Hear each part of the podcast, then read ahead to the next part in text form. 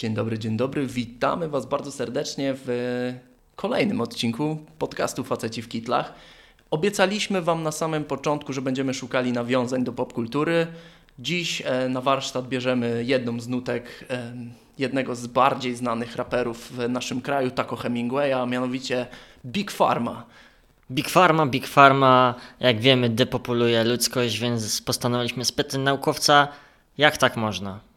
Jak można depopulować ludzkość i czy tak naprawdę tak się dzieje? Oczywiście porozmawiamy także o czymś e, bardziej przyziemnym, o tym jak wprowadzają, wprowadza się leki na rynek oraz jak naukowcy odkrywają je. No właśnie, czy taki lek można znaleźć gdzieś w głębi Puszczy Amazońskiej pod kamieniem w jakiejś żabie? Być może dowiecie się z tego odcinka, czy warto zaglądać do Puszczy Amazońskiej. Dzisiejszym naszym gościem będzie osoba, która jest specjalistą w zakresie chemii biologicznej, przez niektórych także nazywana biologiem chemicznym, kierownik Zakładu Sąd Molekularnych i Proleków oraz Centrum Wysokoprzepustowych Badań Przesiewowych w Instytucie Chemii Bioorganicznej PAN w Poznaniu. Kieruje trzema grantami badawczymi, prowadzi także aktywne działalności na rzecz współpracy międzynarodowej, popularyzacji nauki. Jest także wiceprzewodniczącym Akademii Młodych Uczonych. To właśnie pan dr Jacek Kolanowski. Witam cię bardzo serdecznie. Dzień dobry Państwu. Witam Cię Marcinie, witam Cię Czarku. Mi e, po tym przydługim wstępie mm, masz bardzo, bardzo bogate CV, ale przybliż naszym słuchaczom tak naprawdę czym Ty zajmujesz się w laboratorium.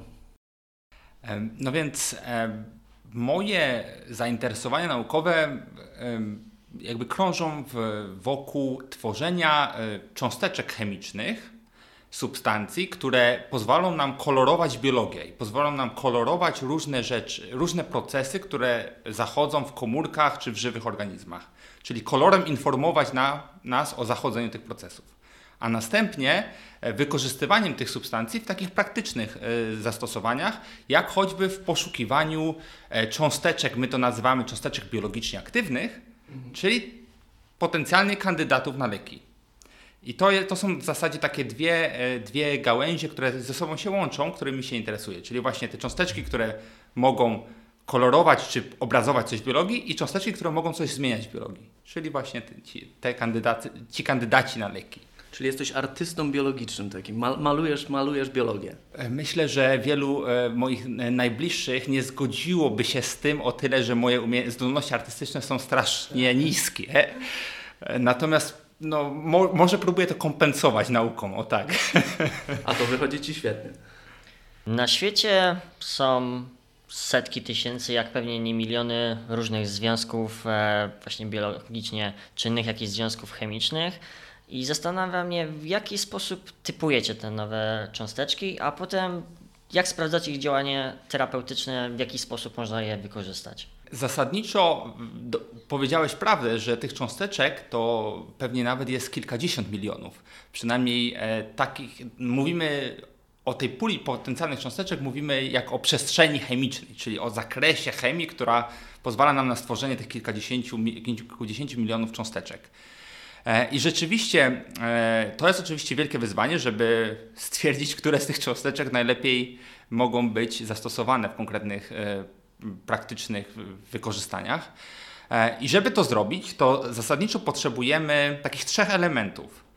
Samych cząsteczek, ale potrzebujemy też tak zwanego modelu biologicznego, czyli jakiegoś, czegoś, co nam obrazuje jakiś proces biologiczny.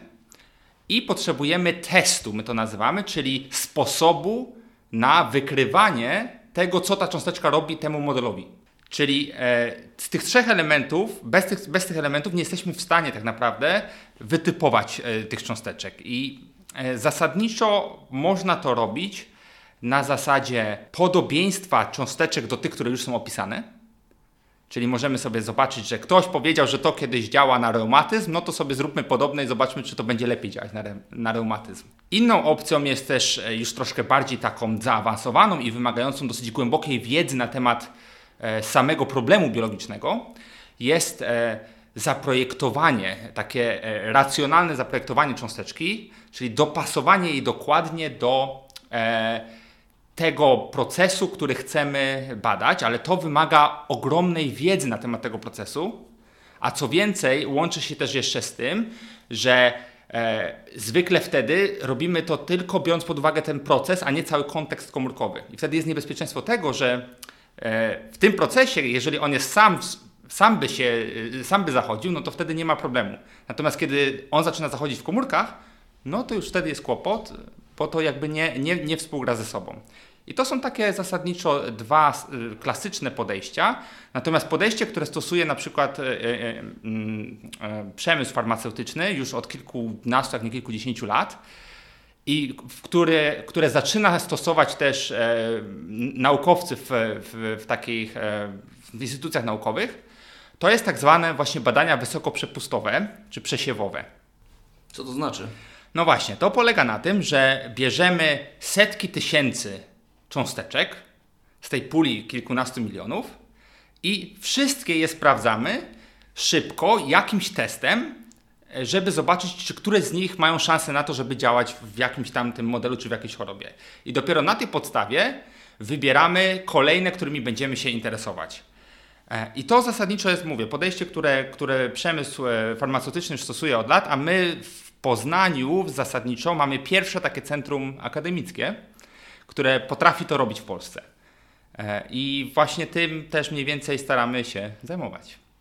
No dobra, a w swoich badaniach zastanawia mnie takie podejście na zasadzie jajko-kura, czyli czy właśnie najpierw zastanawiacie się, ok, mamy jakąś cząsteczkę, znaleźliśmy ją, nie wiem, nawet tak jak często znajduje się na przykład, że e, z brzozy okazuje się, że ten związek chemiczny może mieć jakiś ciekawy potencjał, czy drugą stronę, czyli macie chorobę, mm, mniej więcej znamy jakieś jej podłoże molekularne, powód, dlaczego ta choroba jest i do niej właśnie szukacie pośród tych setek tysięcy milionów związków. Co jest właśnie, które podejście z tym, które ty stosujesz? My, podobnie jak e, też e, czy przemysł farmaceutyczny, czy takie, e, czy instytucje, które prowadzą takie bardziej badania na ukierunkowane na znalezienie właśnie aktywnych cząsteczek, zwykle koncentrują się na chorobie. To znaczy, to wygląda w ten sposób, że oczywiście możemy z jednej strony mieć jakiś zestaw cząsteczek, które wydaje nam się, że są cenne, czy mogą coś robić, tylko po pierwsze skąd my wiemy, że one mogą coś takiego robić. A po drugie, e, oczywiście to nie chodzi tylko o to, żeby cząsteczka coś robiła w biologii, tylko żeby robiła tylko jedną rzecz, a nie wszystkie rzeczy naraz.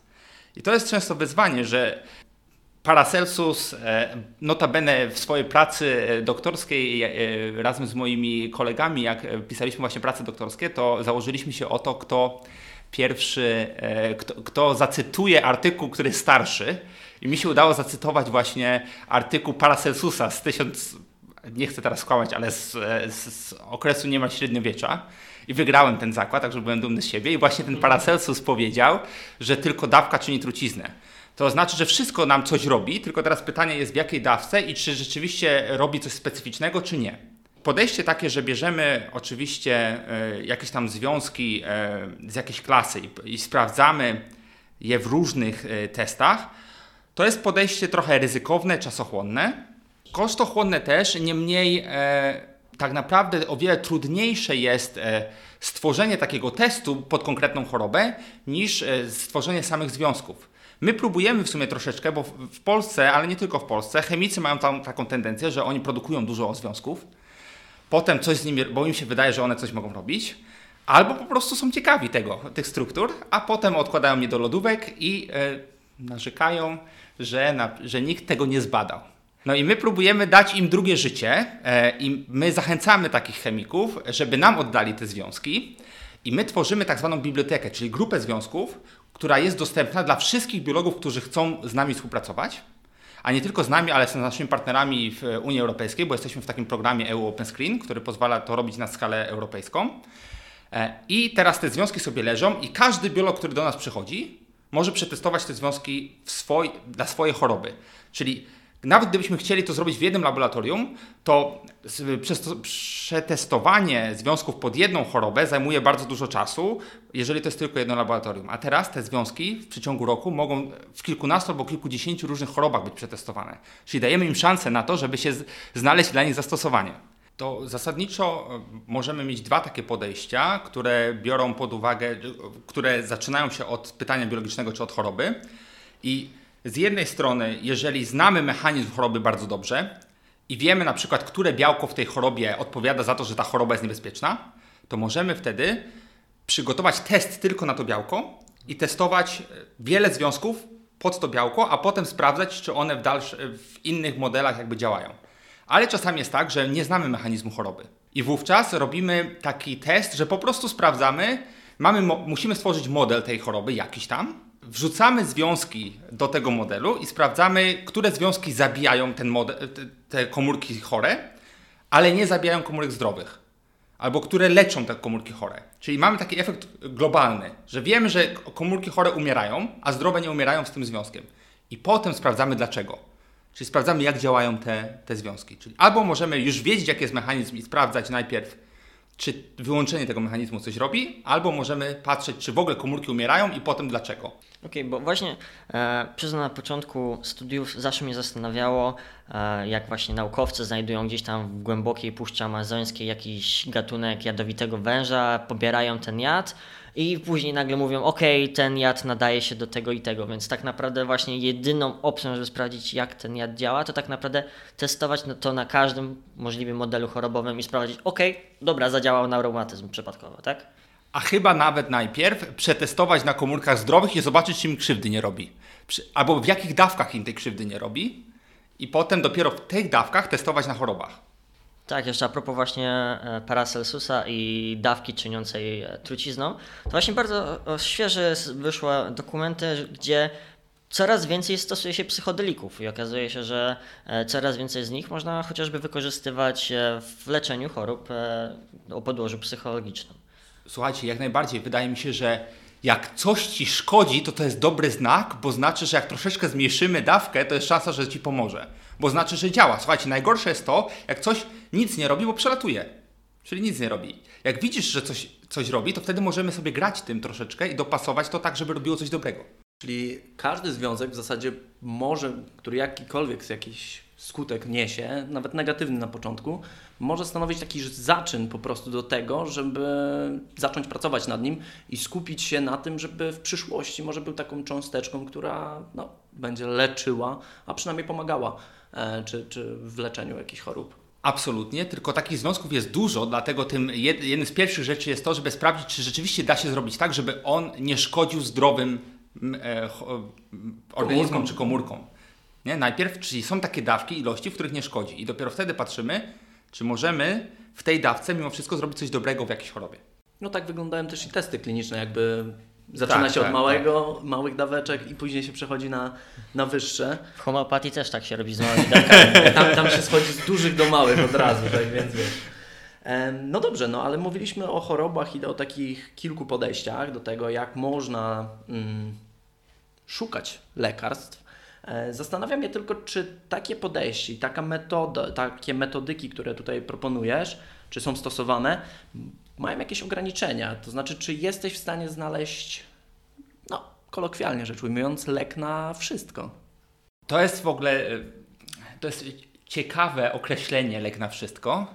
Mi się zawsze wtedy przypomina taka reklama, chyba z lat 90 pani chyba jakiś proszek reklamowała, albo pan i mówił, że jak coś jest do wszystkiego, to jest do niczego.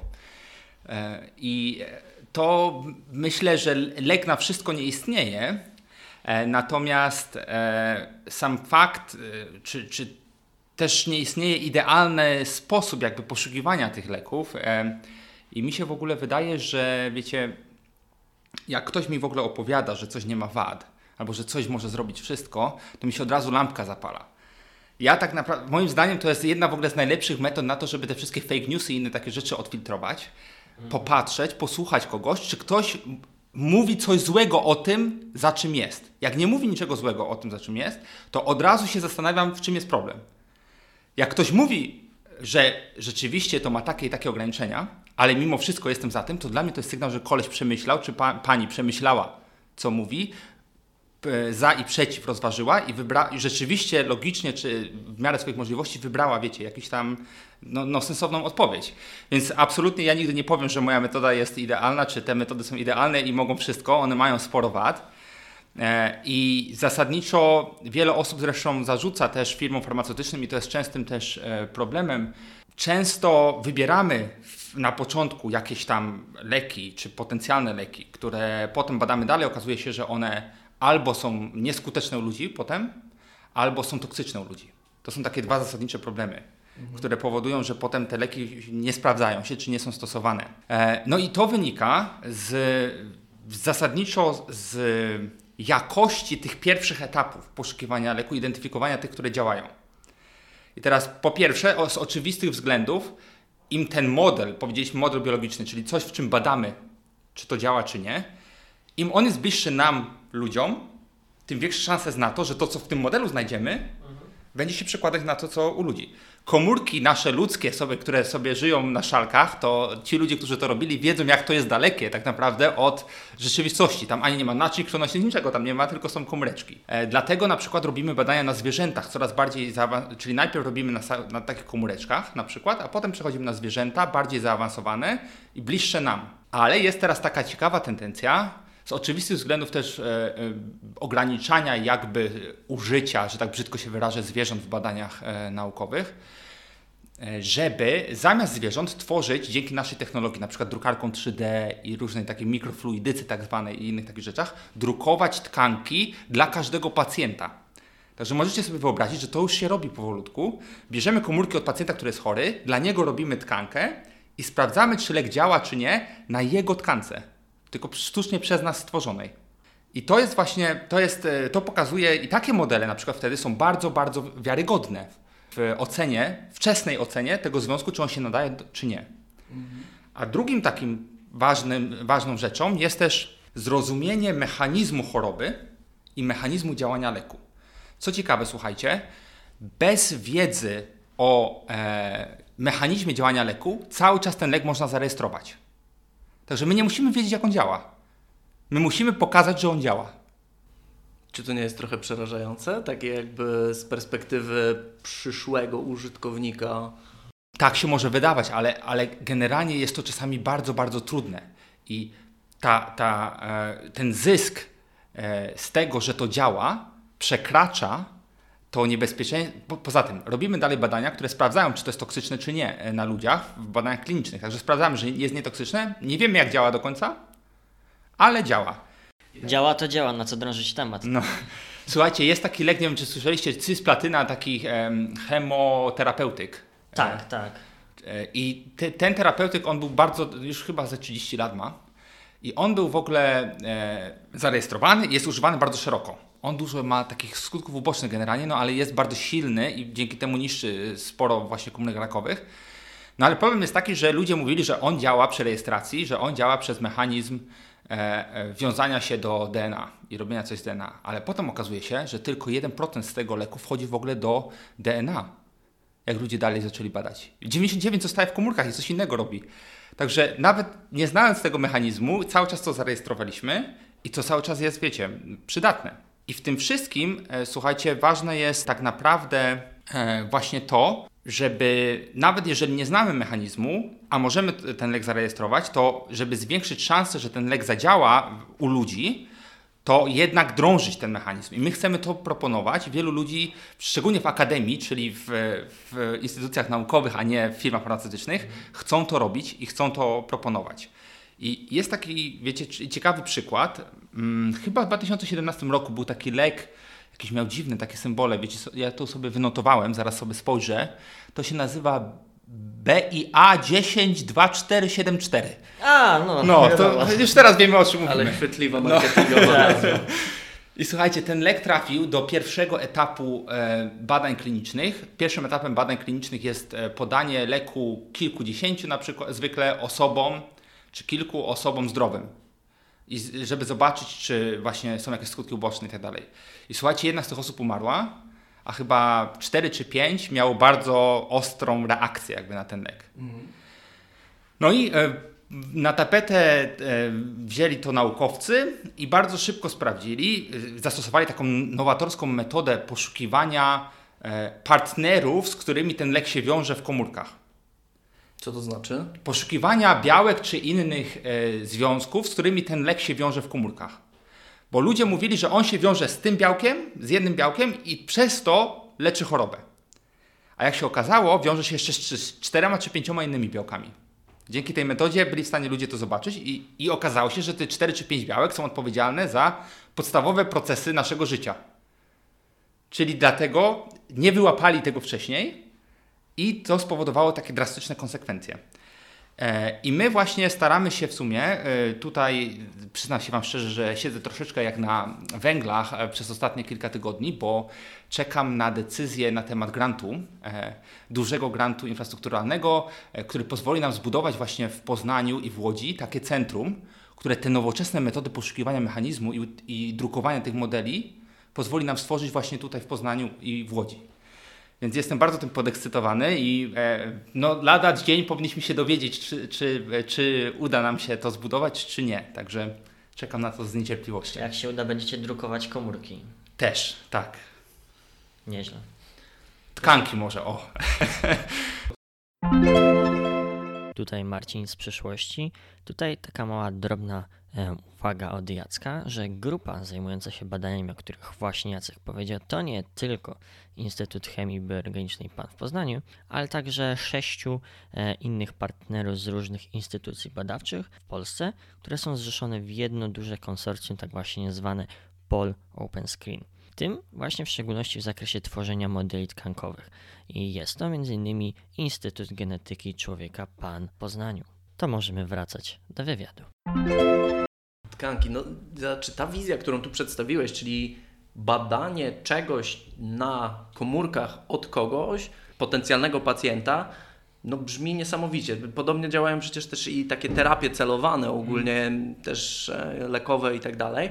Tylko zastanawia mnie jedna rzecz, a mianowicie mamy już możliwości, mamy już e, też potężne budżety, mamy też e, specjalistów, mamy naprawdę szeroki ogląd na sprawę, sprawy związane z nauką i wiele tych modeli dobrze już zbadaliśmy, ale wciąż jest jedno ale. Dlaczego to tak długo trwa? Dlaczego tak długo często musimy czekać na to, że od takiego świetnego pomysłu, który będziesz miał, no, do wprowadzenia tego do komercjalizacji będziemy musieli czekać lata. Znaczy, jeden powód, którego nigdy nie da się wyeliminować, to jest to, że ten pomysł może wcale nie jest taki świetny. Także to zawsze jest, taka, taką możliwość trzeba wliczać w, w, w, w koszta. W koszta. Natomiast e, mimo tego, że mówisz, tak się wydaje, wiecie, my rzeczywiście wiele już wiemy i tak dalej, ale te wszystkie problemy, które nawet takie firmy farmaceutyczne mają, o których mówiłem, że wybierają lek, a potem się okazuje, że on jest toksyczny albo nie, pokazują, że jednak te nasze, e, że wcale nie wiemy i chyba nigdy nie możemy, e, nie będziemy mogli stwierdzić, że wiemy wszystko. Także ryzyko jednym z tych elementów, które powodują, że to jest właśnie takie długie, to jest samo ryzyko tego, że to, co na początku wybraliśmy, nie, jest, nie będzie sukcesem. Drugim problemem jest, i takim głównym, to jest po prostu e, regulacja i bezpieczeństwo. No możecie sobie wyobrazić, wiecie, żeby to się zmieniało.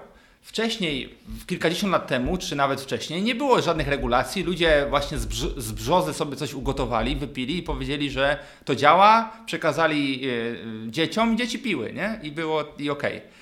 Teraz z jednej strony to jest oczywista oczywistość, że chcemy chronić zdrowie i bezpieczeństwo ludzi, którzy będą to używać, ale to pociąga za sobą bardzo skomplikowane procesy kontroli e, tego rozwoju leku. I on, jak tak byśmy sobie podsumowali, to słuchajcie, po pierwsze, taki pierwszy etap to jest w ogóle poszukiwanie tej choroby i tego pytania biologicznego i dobrego modelu. Potem trzeba znaleźć ten kandydatów na leki, czyli te związki, cząsteczki, które potem będziemy mogli coś z nimi robić. Dalej trzeba te związki pozmieniać, żeby one miały takie idealne właściwości do, do naszych zastosowań. I to zajmuje czasami 4 lata, czasami 6 lat, czasami więcej lat. A następnie dopiero wtedy zaczynamy testy na zwierzętach, dopiero później zaczynamy e, większą produkcję i testy na ludziach. Opisać dokładnie, dlaczego te testy chcemy robić i co z nich wyciągniemy. Później trzeba znaleźć ochotników. Potem trzeba poczekać na efekt. Ten efekt opisać, zanalizować i zaproponować kolejny etap. Znowu, e, ktoś będzie nas oceniał przez ileś miesięcy, czy ten etap jest sensownie zaplanowany. Znowu, poszukać ochotników i tak dalej. Także jak sobie nawet e, skrócisz te wszystkie etapy, to i tak wychodzi kilka, jak nie e, e, kilkanaście lat na to, żeby przez te wszystkie etapy przejść. Właśnie w kontekście w ogóle czekania i tego, ile lat to wszystko zajmuje, to przypomina mi się ten taki nasz aktualny e, stan naszego, naszego Ministerstwa Zdrowia, że okej, okay, najbliższy termin na mm, USG no to są dwa lata, tak? No i teraz wyobraźmy sobie właśnie Waszą metodę zdrukowania tkanek.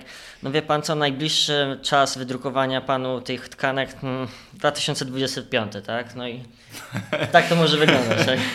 No, lepiej, żeby tak nie wyglądało, a zarazem no myślę, że wszyscy starają się, żeby to przyspieszyć. Powiedziałeś tutaj, Jacku, że tak naprawdę mm, proces może być wielo, wieloletni. No jeżeli wyobrazimy sobie, że niech tylko 10 osób pracuje przy tym, to nawet pensje dla takich osób pochłaniają olbrzymie budżety.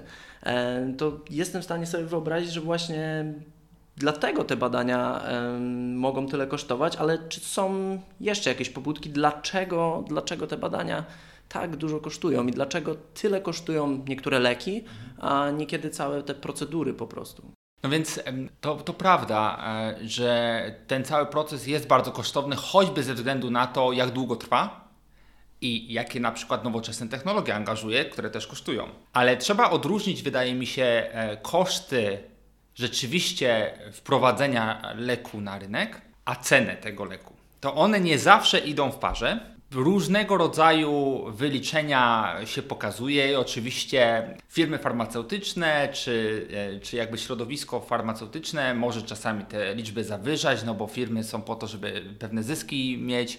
E, państwo zaniża czasami te koszty po to, żeby oszczędzić na lekach i na innych i pokazać, że wcale nie muszą tyle kosztować. Ale często pojawiają się liczby, teraz ostatnio na przykład 2,6 miliarda dolarów, to jest 10 miliardów złotych, za wprowadzenie na rynek jednego leku. To jest mniej więcej teraz połowa do 1 trzeciej budżetu, które Polska wydaje na badania rocznie. Na cała Polska na wprowadzenie jednego leku. W tym wszystkim e, oczywiście sceptycy e, często mówią, że e, jedna trzecia to pewnie jest, e, to są tak zwane koszty czy straty inwestorów na tym, że ten proces tyle trwa i nie mogą zarabiać. Więc to odrzucam, bo to jest jakby coś umownego, prawda? Jakieś tam e, założenie.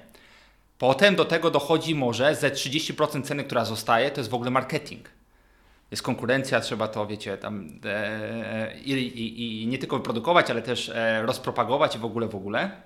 No i reszta tak naprawdę pewnie to są rzeczywiście badania, ale też pieniądze na to, żeby kolejne badania na kolejne leki móc przeprowadzać. Także oczywiście i to, i to i o tym mogę powiedzieć, że te badania, wiecie, te badania, e, same badania e, nad lekiem, one zależą i kosztują tyle ze względu na cenę i na, ryzyko, na, na czas i na ryzyko, jakie wiąże się z tym, że wybrany lek nie zadziała. Natomiast sama cena to no, bywają bardzo duże nadużycia. Jest w ogóle, nie wiem czy słyszeliście taką historię, w Stanach to jest troszeczkę bardziej y, y, widoczne niż w Unii Europejskiej czy w Europie, bo my tutaj troszeczkę albo może duże firmy farmaceutyczne się nami tak bardzo nie interesują, albo my też mamy może inne systemy kontroli tych cen e, leków, ale w Stanach Zjednoczonych taka była historia chyba w 2017 roku. Był lek, chyba Daraprim się nazywał, na toksoplazmozę. To jest taka choroba, która zasadniczo wiele ludzi, wiele ludzi może mieć od pasożyta, ale ludzie z normalną odpornością nie mają e, żadnych objawów albo mało objawów. Natomiast ludzie z mniejszą odpornością no, mogą zginąć ze względu na to. U kobiet w ciąży jest bardzo ważne. I, i u kobiet w ciąży na, na, przykład. Tak, tak, tak. I właśnie ten lek, on ma kilkadziesiąt lat, chyba ponad 70 lat już jest w użyciu i był sprzedawany w Stanach chyba tam za 18 czy 25 dolarów za tabletkę. To i tak nie jest tak tanio, jak sobie pomyślimy, no bo za tabletkę, nie? No to to jest, to jest... Nie pamiętam teraz, ile tych tabletek potrzeba, żeby tą toksoplazmozę załatwić, ale tyle kosztował. W Stanach niestety teraz są też takie firmy farmaceutyczne, nazywają się firmami farmaceutycznymi, ale tak naprawdę to są jakieś takie pasożyty, czy, czy um, które wykupują takie leki, gdzie widzą, że nie ma konkurencji, a ludzie e, i życie ludzi od nich zależy i narzucają nagle ogromne ceny. Bo i ta historia w 2017 roku z tym Daraplinem właśnie była, taki pan występował często w telewizji właśnie amerykańskiej mówiąc, że to biznes jest. Martin Krzteli, chyba tak się, tak się czyta to nazwisko. I on właśnie wywindował cenę tego leku z tych 18 czy 20 do 750 dolarów z dnia na dzień. I mówi, że no, ma, e, market, w ogóle ta firma wcześniej sprzedawała za bezcen ten lek i tak dalej, i tak dalej.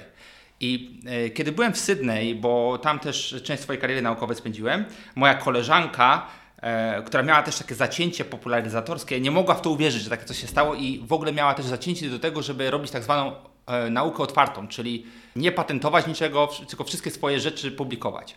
I ona mówi, o nie, tak być nie może i zaprosiła do współpracy studentów, nie studentów, a uczniów liceum w Sydney i, bo zobaczyła na ten lek, że ten lek jest banalnie prosty do zrobienia w laboratorium dla chemika. I poprosiła im, zaproponowała, żeby oni go zrobili. I w przeciągu tam kilku tygodni, czy nawet mniej, za 15 dolarów wyprodukowali kilka tabletek tego leku. E, I cena za e, produkcji za tą tabletkę była 2 dolary tak naprawdę. I właśnie w ten sposób próbowała, pokazała, e, to też Washington Post nawet potem o tym pisał i tak dalej, że że, że właśnie, że one wcale tyle nie kosztują i że to można zrobić e, bardzo łatwo i, i jakby zwróciła uwagę na ten problem. Także ja wiem, że w, w Ameryce teraz to też jest e, nagłaśniane i, lu, i ludzie pilnują, czy jakby naukowcy też kontrolują to, co robią firmy farmaceutyczne i często zwracają uwagę na takie nadużycia delikatnym nadużyciem było jakby podniesienie ceny, znaczy ta cena 20 dolarów, jeżeli stosunkowo koszt wyprodukowania jest e, tam około 2 dolarów, e, no ale przegięciem było 375 razy cenę zawindować tylko dlatego, żeby że może, po żeby zyskać, że można, że można, że po prostu można. Dziwne czasy, dziwne, dziwne czasy, czasy, ale miejmy nadzieję, że to się zmieni. Teraz też żyjemy w dziwnych czasach. Tak. Um kiedy nagrywamy ten materiał, mamy dzienne rekordy po 4, 5, wczoraj nawet było 6 tysięcy e, zakażeń na aktualnego wirusa SARS-CoV-2. I jakby są dwa, nazwijmy to, rozwiązania tego, tak? Jednym z nich jest szczepionka, której wyprodukowanie jest o wiele szybsze, bo to zajmuje przy dobrych wiatrach rok, bardziej prawdopodobne w okolicach dwóch. No ale też tych ludzi trzeba leczyć, jak już są e, chorzy.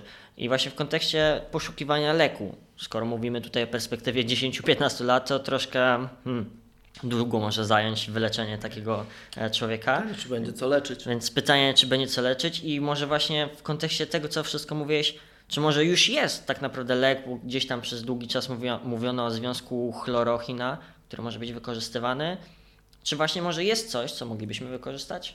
Ja na pewno nie podejmę się tutaj ferowania wyroków, e, czy jest lek. Chyba tutaj. E, nic nie szkodzi, tak. nie, nic się nie zniszczyło, spokojnie. Uderzyłem w stół z, z ekscytacji. A nożyce się odezwały. Tak. Nie podejmę się e, ferowania wyroków, czy jest lek. Nie jestem też lekarzem, nie potrafię e, tego stwierdzić, czy te rzeczy jednoznacznie działają, czy nie. Natomiast na pewno w takich sytuacjach możemy zastosować trochę inne podejście. To podejście nazywa się tak formalnie reprogramowaniem, czyli nowym programowaniem leku. Mamy już teraz na świecie zarejestrowanych kilka, jak nie kilkanaście tysięcy leków, które są dopuszczone do użytku, a to oznacza, że przeszły stadia właśnie e, tej kontroli bezpieczeństwa i tak dalej. Teraz zamiast e, cały ten proces przeprowadzać od początku, to możemy z tych leków przetestować te leki, czy one działają także na na przykład tego naszego wirusa. Czyli zostaje nam teraz potwierdzenie tylko, że one działają też na tą chorobę, a wszystkie y, sprawy związane z bezpieczeństwem niejako mamy już z głowy. Mamy już z głowy. I to rzeczywiście może skrócić cały proces do rejestracji w ekstremalnych przypadkach y, też różne y, takie organa prawne i, i, i organa państwa nawet e, pozwalają na wprowadzenie leku z, mniejszym, z mniejszą ilością testów, ponieważ jest potrzeba taka szybka. To jest oczywiście ryzyko, to jest terapia eksperymentalna wtedy, ale jeżeli rzeczywiście ludzie umierają, no to czasami trzeba zaryzykować. E, I to naprawdę może skrócić e, czas wprowadzenia takiego leku do kilku czy kilkunastu miesięcy. I to rzeczywiście się teraz robi, tylko takie biblioteki z lekami, które już są dostępne, biblioteki my to nazywamy, to jest po prostu zestaw tych, tych różnych związków, zestaw tych leków. Zamiast książek masz tak, leki. Masz leki, tak jest. Czyli biblioteki leków, które my badamy i sprawdzamy, one e, są często dosyć e, drogie i niewiele osób ma do pełnej puli dostęp. I my też od jakiegoś czasu już staramy się o dostęp do tej pełnej biblioteki. Na razie jeszcze nam się nie udało tego uzyskać, ale, ale może się uda. Ale na pewno to jest w takich krytycznych sytuacjach, chorób takich nagłych, to jest chyba droga, która jest, nie wyklucza tej drogi dłuższej. No bo podobne choroby mogą się pojawiać później i te leki mogą być wykorzystane później też. Natomiast, żeby tu i teraz pomóc, czy za chwilkę pomóc e, ludziom, którzy umierają na taką chorobę, no to to podejście wydaje się e, zdecydowanie bardziej e, obiecujące. Tak, właśnie przygotowując się do dzisiejszego odcinka, przeczytałem informację, że na przykład Viagra, która wiemy dobrze do czego e, służy, okazuje się, że właśnie też próbuje się wykorzystać ją w, w, do czegoś innego i okazuje się, że między innymi można e, próbować ją wykorzystać w chorobach niedokrwiennych serca, nadciśnienia, e, czy nawet w walce z nadwagą. Także mamy właśnie takie reprogramowania. Czyli jakby nie patrzeć, trzeba próbować po prostu.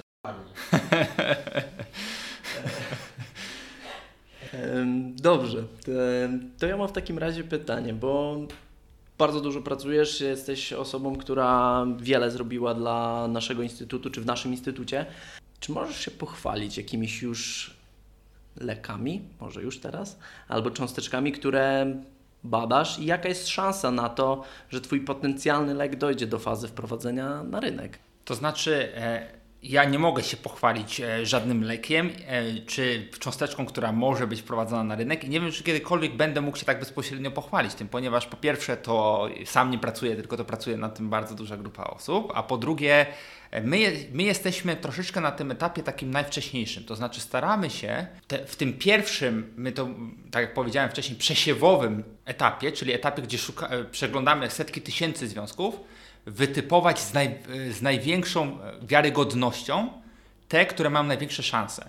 Czyli my koncentrujemy się na tym, żeby ta wiarygodność wytypowania tych cząsteczek była jak najlepsza na samym początku. Sami, czy jako instytut, e, e, e instytut naukowy nie jest w stanie wprowadzić takiego leku e, na rynek ze względu na e, koszty, ale też ogrom biurokratycznej pracy którą trzeba włożyć w przygotowanie y, całej dokumentacji. To też nie jest nasze zadanie i nasze, to nie, za to, nie jesteśmy w tym specjalistami nie za to mamy płacone, że tak się wyrażę. Natomiast te narzędzia, które my tworzymy, czy te, te potencjalne kandydaci na leki, które my tworzymy, to one po, na pewno e, mogą i są wykorzystywane do badania i poznawania mechanizmów chorób. To na pewno się dzieje. Jeżeli chodzi o sam lek, to już to trochę zależy od, e, my to nazywamy naszych partnerów naukowych, czy też użytkowników czasami mówimy o, o, infrastrukturze, czyli ludzi, którzy przychodzą z problemem badawczym i chcą, żebyśmy im pomogli go rozwiązać. Naszym zadaniem jest właśnie jakby jak najwyższa jakość e, e, identyfikacji tych, e, tych związków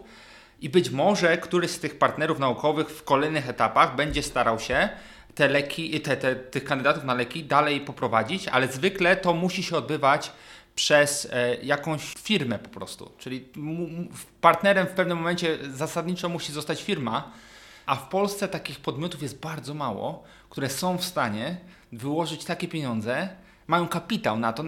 Nawet państwo wydaje się nie ma, skoro mówimy o tym, że, tak, że kapitał to jest e, jedna trzecia naszego budżetu rocznego. Trzy leki rocznie. Tak?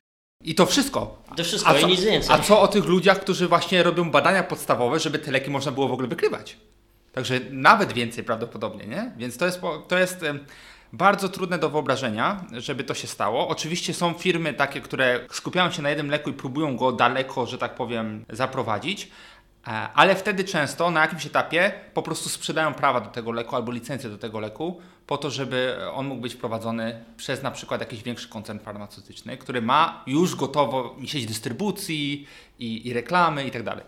E, no właśnie, wielkie koncerny farmaceutyczne, wielkie pieniądze, no 10 miliardów, tak, żeby wprowadzić jeden lek tak naprawdę na cokolwiek, a i tak koszty są wielkie. Więc no muszę Cię tutaj na koniec zapytać właśnie o, o Big Pharma i no jak to jest, że koncerny farmaceutyczne mają tyle pieniędzy, tyle tworzą leków, a ludzie wciąż chorzy? Wierzysz w depopulację? to znaczy, o tak, powiem, że wierzę, że Big Pharma istnieje. Big Pharma to e, dla niewtajemniczonych z angielskiego oznacza duże, dużą firmę farmaceutyczną i rzeczywiście są duże firmy farmaceutyczne. To może taka niespodzianka dla niektórych. Natomiast oczywiście te wszystkie teorie spiskowe to mm, one są bardzo atrakcyjne, bo mają takie trzy cechy, których, e, których ludzie często poszukują w różnych teoriach i w swoich wierzeniach itd.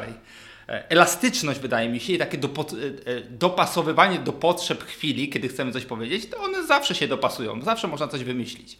Poza tym, coś, co mnie boli, to jest założenie, że ludzie, którzy poświęcają całe życie na pracę nad czymś, na rozwijanie swoich kompetencji i z pasji, ale też z chęci pomocy innym, którzy są zaangażowani w procesy rozwoju leków i tak dalej, czy obserwują, jak te leki są rozwijane w farma, farma i tak dalej, przez takich e, ludzi, e, którzy właśnie wierzą w teorie spiskowe, w zasadzie są na, w naturalny sposób jakby oczerniani, ponieważ to po prostu oznacza, że ci, że ci ludzie z pasją zwyczajnie musieliby pracować na rzecz jakichś koncernów farmaceutycznych i chcieć tylko zarobić i zrobić krzywdę ludziom. Ja rozumiem, że tacy ludzie się zdarzają, ale nikt mi nie powie, że ponad 50% osób takich jest. Tak? Więc to jest, to, jest, to jest coś, co mnie najbardziej boli. No a trzecia, trzecia rzecz, którą te, te wszystkie teorie spiskowe mają, to jest e, nie można udowodnić, że one nie istnieją, bo generalnie skoro, wiecie, dowód na nieistnienie nie jest niemożliwy zasadniczo. Tak. Więc to jest świetna wymówka w wielu sytuacjach. Oczywiście wiecie, są przykłady nadużyć, ja wspomniałem o tym przykładzie nadużycia, są firmy farmaceutyczne, które nazywają się firmami farmaceutycznymi, jak, te, jak firmy tego pana, o którym wspomniałem wcześniej. Zasadniczo nie są firmami farmaceutycznymi, tylko są e, takimi no, pasożytami, które próbują jak najwięcej pieniędzy zbić na, e, na problemach, nieszczęściu innych ale mnóstwo firm farmaceutycznych, które rzeczywiście pracuje, inwestuje bardzo mocno w badania i rozwój i to jest też, kiedyś przeczytałem, że to jest najlepszy, takie, najlepszy dowód na to, że jakaś firma e, rzeczywiście jest e, jakby wiarygodna, to to, żeby zobaczyć ile ona na badania i rozwój przeznacza. Jeżeli ktoś rzeczywiście inwestuje dużo pieniędzy i energii w to, żeby rozwinąć te leki, no to to oznacza, że oczywiście może potem ukryć, że coś nie wyszło, ale to oznacza, że prawdopodobnie no, oni mają największe szanse na to, żeby jednak to zrobić. No wiecie, firmy farmaceutyczne poza tym, no to jest firma, tak? Oni są nastawieni na to, żeby mieć zysk, ale e, jakby rolą instytucji państwa jest też to, żeby to w pewien sposób regulować. hamować, regulować. To jest normalne, normalna sytuacja. Wydaje mi się, że, że, e, że to jest tak jak w każdym przemyśle, ale jakby zakładanie, że jest tam jakiś przemyślany system tego, żeby komuś zrobić krzywdę, pozostawię bez dalszego komentarza. No. Ja bym nawet powiedział, że jeżeli te firmy zajmują się zawodowo depopulacją, to idzie im bardzo słabo, patrząc na to, jak duży jest przyrost ludzkości od co najmniej 50 lat, więc no ja bym ich zwolnił za takie wyniki w pracy. Small Pharma już wtedy, nie Big Pharma. Tak. Dobrze, Jacku. Dziękujemy Ci ogromnie za ten wywiad. Dowiedzieliśmy się wiele o tym, jak powinniśmy patrzeć na leki, jak wiele czasu i pracy zarówno naukowców, którzy później to przełożą i pokażą firmom farmaceutycznym, e, kosztuje to, to czasu i pracy e, przez, przez te podmioty. Mam nadzieję, że słuchacze, którzy, którzy wysłuchają właśnie naszego podcastu, zrozumieją, że my nie siedzimy tutaj i, i nie przysłowiowo nie zbijamy bąków. Naprawdę staramy się pomagać ludziom i robimy to z pasji, bo to łączy naukowców. Pasja do tego, żeby pomagać. Pewnie. Bardzo Wam dziękuję. E, chciałem może na koniec, to nie było planowane, ale chciałem też e, podkreślić, e, jak ważne są takie inicjatywy jak Wasza, to znaczy opowiadanie właśnie o nauce w przystępny sposób i jakby pokazywanie ludziom tego, jak ta nauka rzeczywiście wygląda, bo naukowcy sami w sobie często nie chcą albo nie potrafią mówić o tym, w sposób, o, o, tym, co robią w sposób przystępny, i za nich mówią ludzie, którzy są kompletnie niekompetentni. Mi kiedyś ktoś powiedział, że jak ja nie będę mówił o sobie, to ktoś za mnie będzie mówił w taki sposób, jaki chce o mnie opowiadać. I wydaje mi się, że to powinno być też pewnym wskazówką dla naukowców, że nie możemy e, zamknąć się w swojej e, wieży z, z kości słoniowej e, i po prostu liczyć na to, że inni nas zrozumieją Jak my nie chcemy opowiadać o tym, co robimy, to inni będą opowiadać i nie mamy prawa, o, albo małe prawo mamy do tego, żeby to krytykować. Więc bardzo się cieszę, że, y, że taką inicjatywę zapoczątkowaliście. Życzę wszystkiego dobrego na, na przyszłość i mam nadzieję, że będziemy mieli jeszcze okazję się spotkać gdzieś tam. y, Wi- wiadomo, że będziemy razem. się spotykać, bo tematów razem z Tobą mamy do przegadania jeszcze nie jeden, a może i nie dwa nawet. Tak więc, cóż, do zobaczenia. Dziękuję, dziękuję Wam bardzo jeszcze raz. Dziękujemy raz jeszcze i do zobaczenia moi drodzy. Do usłyszenia. Do zobaczenia, do usłyszenia.